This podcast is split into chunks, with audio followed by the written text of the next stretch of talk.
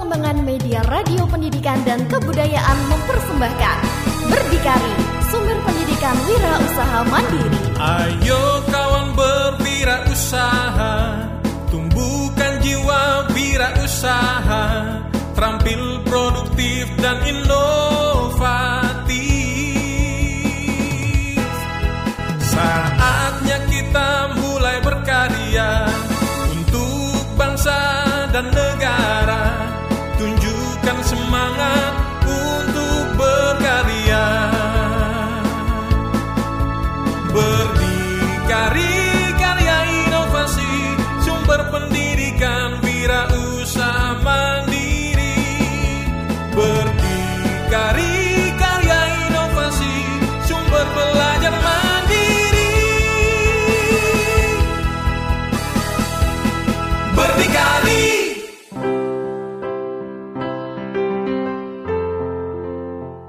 Baik bermandikan darah dan keringat selagi masih muda daripada bermandikan air mata ketika sudah tua.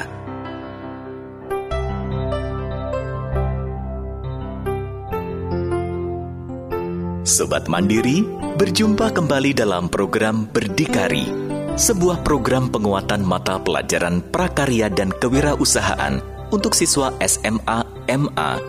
Kali ini dengan judul Pelopor Kompor Batik Listrik ber-SNI.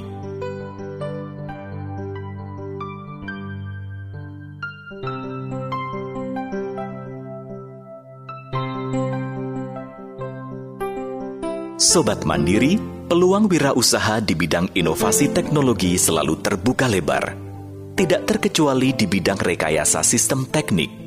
Inovasi sistem teknik telah menghasilkan banyak peralatan elektronik yang dibutuhkan masyarakat, baik peralatan rumah tangga maupun untuk peralatan industri.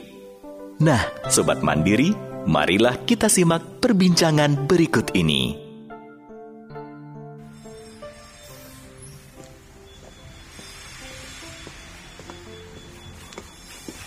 Aduh, aku telepon nggak diangkat.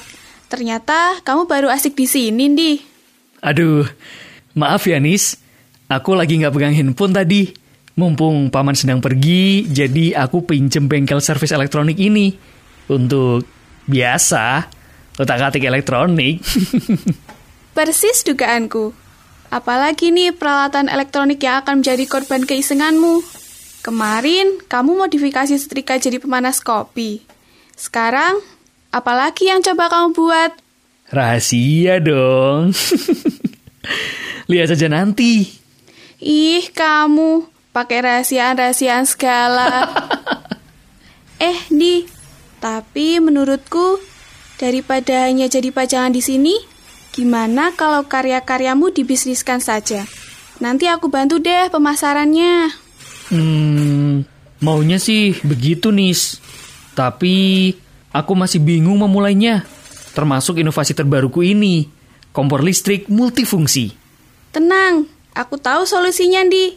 Kita bisa belajar tentang hak cipta, terus merek dagang, dan administrasi usaha lainnya. Hmm, boleh juga ide Munis. Terus gimana caranya? Repot nggak tuh untuk mendapatkannya?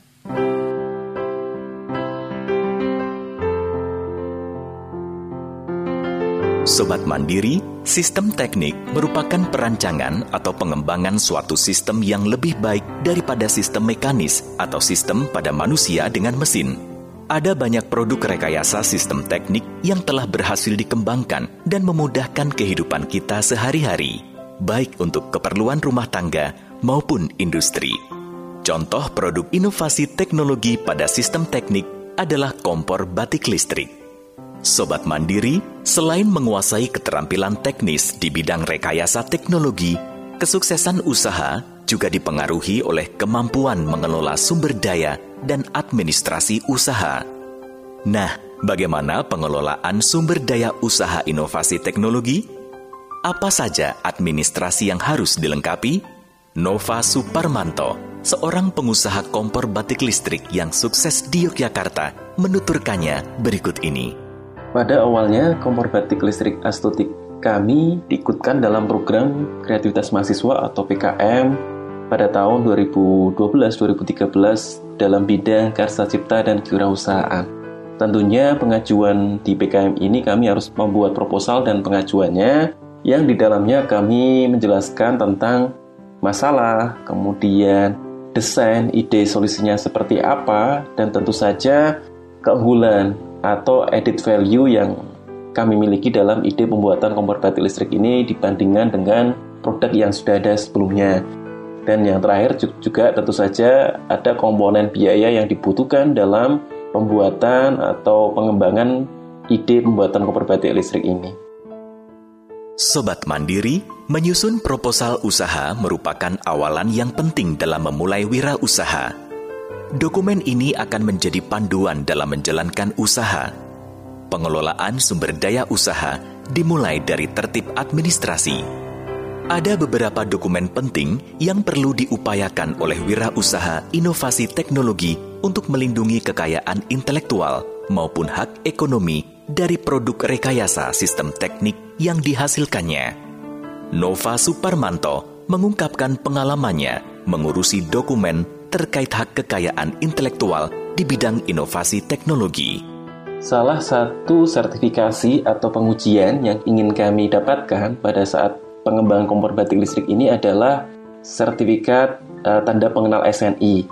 Ini membuktikan kalau produk yang memang kita kembangkan itu memiliki kualitas dan aman bagi konsumen.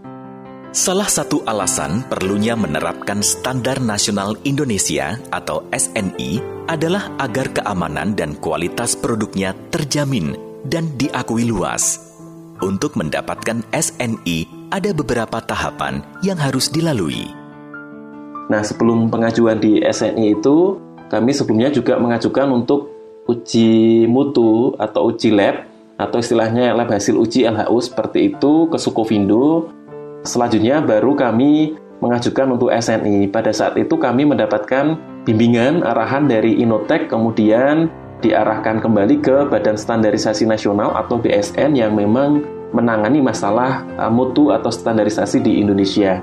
Terkait prosedur pengajuan SNI-nya, mulai dari yang pertama dilakukan adalah memastikan produk kita itu masuk ke dalam SNI yang nomor berapa. Nah, ini memang banyak konsultasi dengan pakar SNI terkait seperti itu ya dan kompor batik listrik kami pada saat itu masuk ke dalam SNI IEC 60335 di bab piranti listrik rumah tangga. Untuk mengetahui SNI kita masuk ke mana juga bisa melalui sistem informasi SNI yang ada di websitenya BSN teman-teman. Setelah tahu kita masuk ke SNI yang keberapa, seri apa, seperti itu, selanjutnya adalah memastikan mana lembaga yang bisa melakukan eh, sertifikasi atau menerbitkan SNI bagi produk kita. Nah, saat itu juga kami juga diarahkan dari BSN akhirnya bisa mengajukan ke B4T Bandung yang khusus untuk produk-produk elektronik Kemudian setelah tahu lembaganya yang berikutnya adalah melengkapi atau menyusun dokumen-dokumen yang dibutuhkan atau dokumen permohonan SPPT SNI seperti itu. Nah, di sana ada beberapa formulir isian dan juga persyaratan yang harus dilampirkan dan yang pasti yang wajib ada adalah produk yang kita daftarkan untuk SNI harus sudah memiliki minimal bukti pendaftaran merek dagang.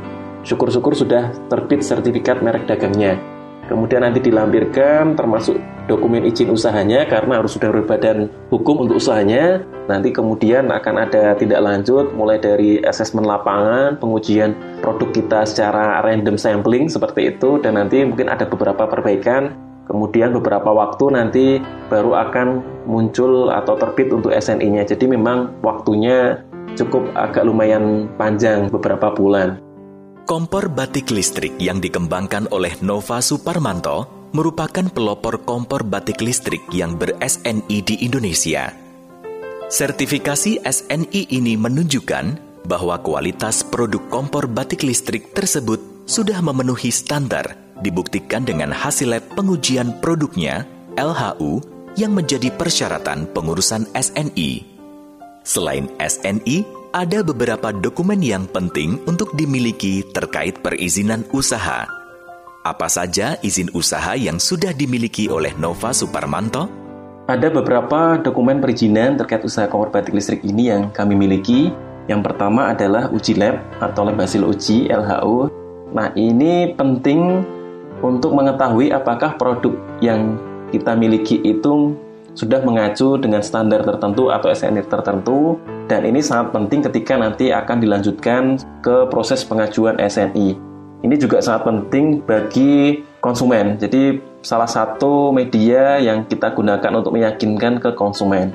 Kemudian yang kedua adalah tentu saja terkait dengan legalitas usaha, yaitu akta dan juga SK dari kementerian yang kita proses, yang diperoleh dengan pengajuan melalui notaris. Kemudian yang ketiga adalah dokumen perizinan usahanya, seperti NIB atau SIUP seperti itu. Kemudian aja ada juga izin usaha industri atau IUI ya, dan beberapa dokumen terkait. Nah, ini diperoleh melalui Dinas Perizinan setempat maupun melalui OSS kalau ketika online. Selain mengurus perizinan usaha, untuk melindungi produk inovasi teknologi perlu diurus hak kekayaan intelektual atau HKI. Dokumen HKI ini sangat penting untuk melindungi produk kita dari plagiasi atau penjiplakan. Nah, apa saja hak kekayaan intelektual yang sudah dimiliki oleh produk kompor batik listrik ini?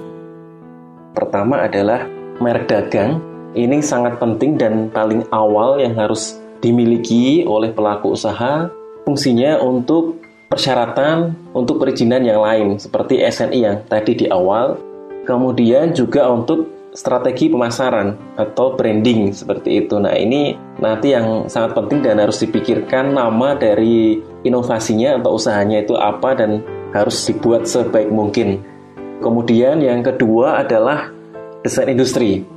Nah, ini nanti menggambarkan dari sisi produknya, baik itu desainnya, kemudian juga deskripsinya. Nah, nanti di situ di formulirnya akan uh, dilampirkan untuk foto-fotonya dari produk tersebut dari beberapa sisi, kemudian deskripsinya yang nanti membedakan dengan produk industri yang lain.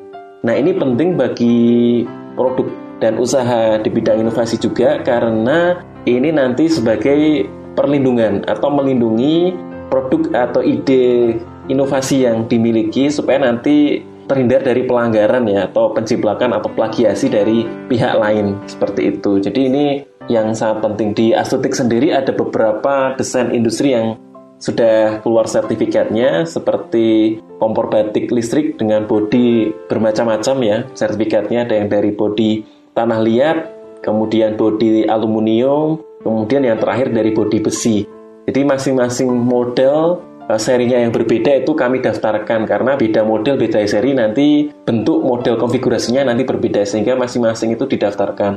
Kemudian selain itu juga ada canting listrik, kemudian ada juga kompor cap listrik. Administrasi lainnya yang penting untuk menjalankan usaha adalah pengelolaan surat menyurat.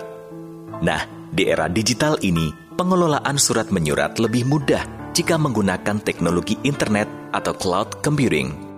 Terkait pengelolaan surat menyurat di usaha kami, ini dikerjakan oleh bagian admin and finance ANF kalau di tempat kami. Kemudian prosedurnya sama dengan yang lain. Kami ada yang berupa hard copy ya, hard file berupa berkas fisik maupun yang soft file atau yang berupa soft di komputer seperti itu.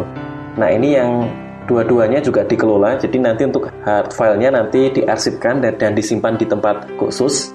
Jadi ketika sewaktu-waktu akan dilihat, dicek nanti enak untuk pengecekan termasuk untuk ownernya sendiri. Kemudian untuk soft file itu disimpan di cloud ya di Google Drive dan semacamnya. Kemudian pengelolaannya menggunakan aplikasi komputer bisa menggunakan kalau di tempat kami menggunakan Microsoft Office seperti itu Nah, ketika disimpan di cloud ini nanti yang jelas lebih mudah dalam uh, integrasi data. Jadi siapa pun termasuk owner, saya untuk mengecek penomoran surat, nomor eh, surat-surat yang masuk dan keluar itu lebih mudah dari mana pun. Jadi tidak perlu datang ke kantor atau ke produksi tempat produksi untuk melihat datanya. Kemudian ketika ada perubahan juga nanti di tempat yang lain juga akan berubah secara otomatis. Makanya eh, datanya disimpan di cloud seperti itu. Administrasi usaha yang tidak kalah penting adalah pencatatan transaksi keuangan. Karena tujuan utama berwirausaha itu adalah untuk mendapatkan keuntungan. Maka, masalah keuangan tidak boleh disepelekan. Jangan sampai dikira untung, tetapi kenyataannya buntung. Kemudian terkait untuk pencatatan transaksi keuangan, ini juga masih sama dikerjakan oleh bagian Admin and Finance, ANF, Pembukuannya dilakukan juga menggunakan aplikasi komputer yaitu Microsoft Office atau boleh yang lain. Kemudian juga disimpan di cloud juga, jadi bisa dilihat dipantau sewaktu-waktu dari mana pun. Kemudian untuk prinsipnya dari pembukuan ini di tempat kami adalah semua pengeluaran itu wajib ada notanya, harus ada kwitansinya. Itu yang pertama. Kemudian yang kedua, untuk pengelu untuk pemasukan itu juga wajib semuanya dibukukan atau ada di dalam nota. Jadi ini penting pencatatan secara rutin ini dan tidak boleh ada yang terlewat karena nanti terkait untuk pembukuan dan juga untuk pelaporan baik itu laporan keuangan untuk internal maupun nanti pelaporan termasuk untuk pelaporan di pajak sendiri. Sobat Mandiri, Administrasi usaha merupakan bagian dari manajemen atau pengelolaan usaha. Untuk dapat mengelola sumber daya usaha dengan baik, wirausaha di bidang produk sistem teknik perlu menentukan bentuk perusahaan yang akan dijalankan. Bentuk perusahaan dari kompor batik listrik Astotik ini sendiri ada dua, yaitu yang pertama berupa PT, PT Putra Multicipta Teknik Indo atau PMCT, kemudian yang kedua berupa CV, yaitu CV Astutik Indonesia. Kemudian dari struktur organisasi usahanya sendiri, itu yang paling atas tentu saja komisaris, kemudian di bawahnya yang pelaksana hariannya yaitu mulai dari direktur, kemudian ada manajer, ini yang bertanggung jawab untuk operasional keseluruhan dari perusahaan, kemudian nanti di bawahnya ada empat divisi. Yang pertama adalah ANF atau Admin and Finance, ini yang bertanggung jawab terhadap administrasi dan keuangan termasuk perpajakan. Kemudian divisi yang kedua ada Sales and Marketing atau SNM. Ini yang bertanggung jawab terhadap pemasaran dan juga penjualan produk. Kemudian yang ketiga ada Production and Stock atau PNS. Ini yang bertanggung jawab terhadap produksi dan juga stok di dalam perusahaan. Kemudian yang terakhir yang keempat adalah divisi IT R&D. Jadi ini yang bertanggung jawab terhadap IT, uh, hardware atau perangkat-perangkat IT yang ada di dalam perusahaan serta bertanggung jawab untuk riset ya. Jadi untuk perbaikan-perbaikan produk yang sudah ada maupun nanti perencanaan produk baru yang akan dikembangkan selanjutnya.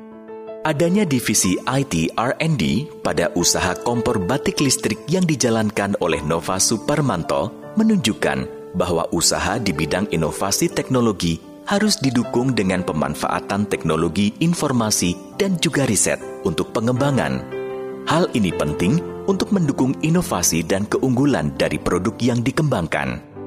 Keunggulan kompor batik listrik Astutik dibandingkan dengan yang lain, di antaranya yang pertama adalah dalam hal pengaturan suhunya lebih stabil. Jadi kompor ini didesain khusus untuk uh, proses pembatikan. Di dalamnya ada proses pencantingan jadi suhunya tepat, jadi tidak terlalu panas dan tidak terlalu dingin, sehingga hasil pembatikannya pun lebih bagus. Kemudian yang kedua adalah dari sisi desain lebih ergonomis. Jadi spesifikasi bentuk dari kompor batik listrik Astutik sendiri didesain tidak terlalu berbeda dengan kompor tradisional yaitu kompor minyak sebelumnya. Baik dari sisi ketinggian maupun dari sisi lebar dari kompornya tersebut. Jadi penggunaannya bagi pembatik itu sama Kemudian juga lebih nyaman digunakan seperti itu. Kemudian yang ketiga adalah dari sisi kualitas. Kualitas ini kami buktikan dengan hasil lab pengujian produknya LHO, kemudian yang kedua adalah dengan SNI. Jadi saat ini Astotik adalah satu-satunya kompor batik listrik yang ber-SNI di Indonesia. Sobat Mandiri, apa yang telah disampaikan oleh Nova Suparmanto tadi memberikan inspirasi kepada kita bahwa kesuksesan usaha perlu didukung dengan kemampuan mengelola sumber daya dan administrasi usaha. Untuk produk inovasi teknologi, memiliki sertifikat SNI sangat penting guna meyakinkan konsumen akan jaminan keamanan dan kualitas produk. Selain itu, legalitas usaha, dokumen perizinan, dokumen HKI, dan pengelolaan surat menyurat serta pencatatan transaksi keuangan juga penting untuk diperhatikan. Jangan takut mengalami kesulitan dalam mengurus SNI dan administrasi usaha lainnya, sebab ada tempat untuk bertanya dan meminta bimbingan. Salah satunya adalah BSN atau Badan Standarisasi Nasional yang akan memandu kita untuk mengurus SNI. Mulailah usaha dengan menyusun proposal usaha sebagai langkah awal tertib administrasi usaha. Nah, sobat mandiri, demikianlah program Berdikari, sumber pendidikan wirausaha mandiri, produksi Balai Pengembangan Media Radio Pendidikan dan Kebudayaan, Kementerian Pendidikan Kebudayaan, Riset dan Teknologi. Sampai jumpa pada program selanjutnya. Salam Mandiri.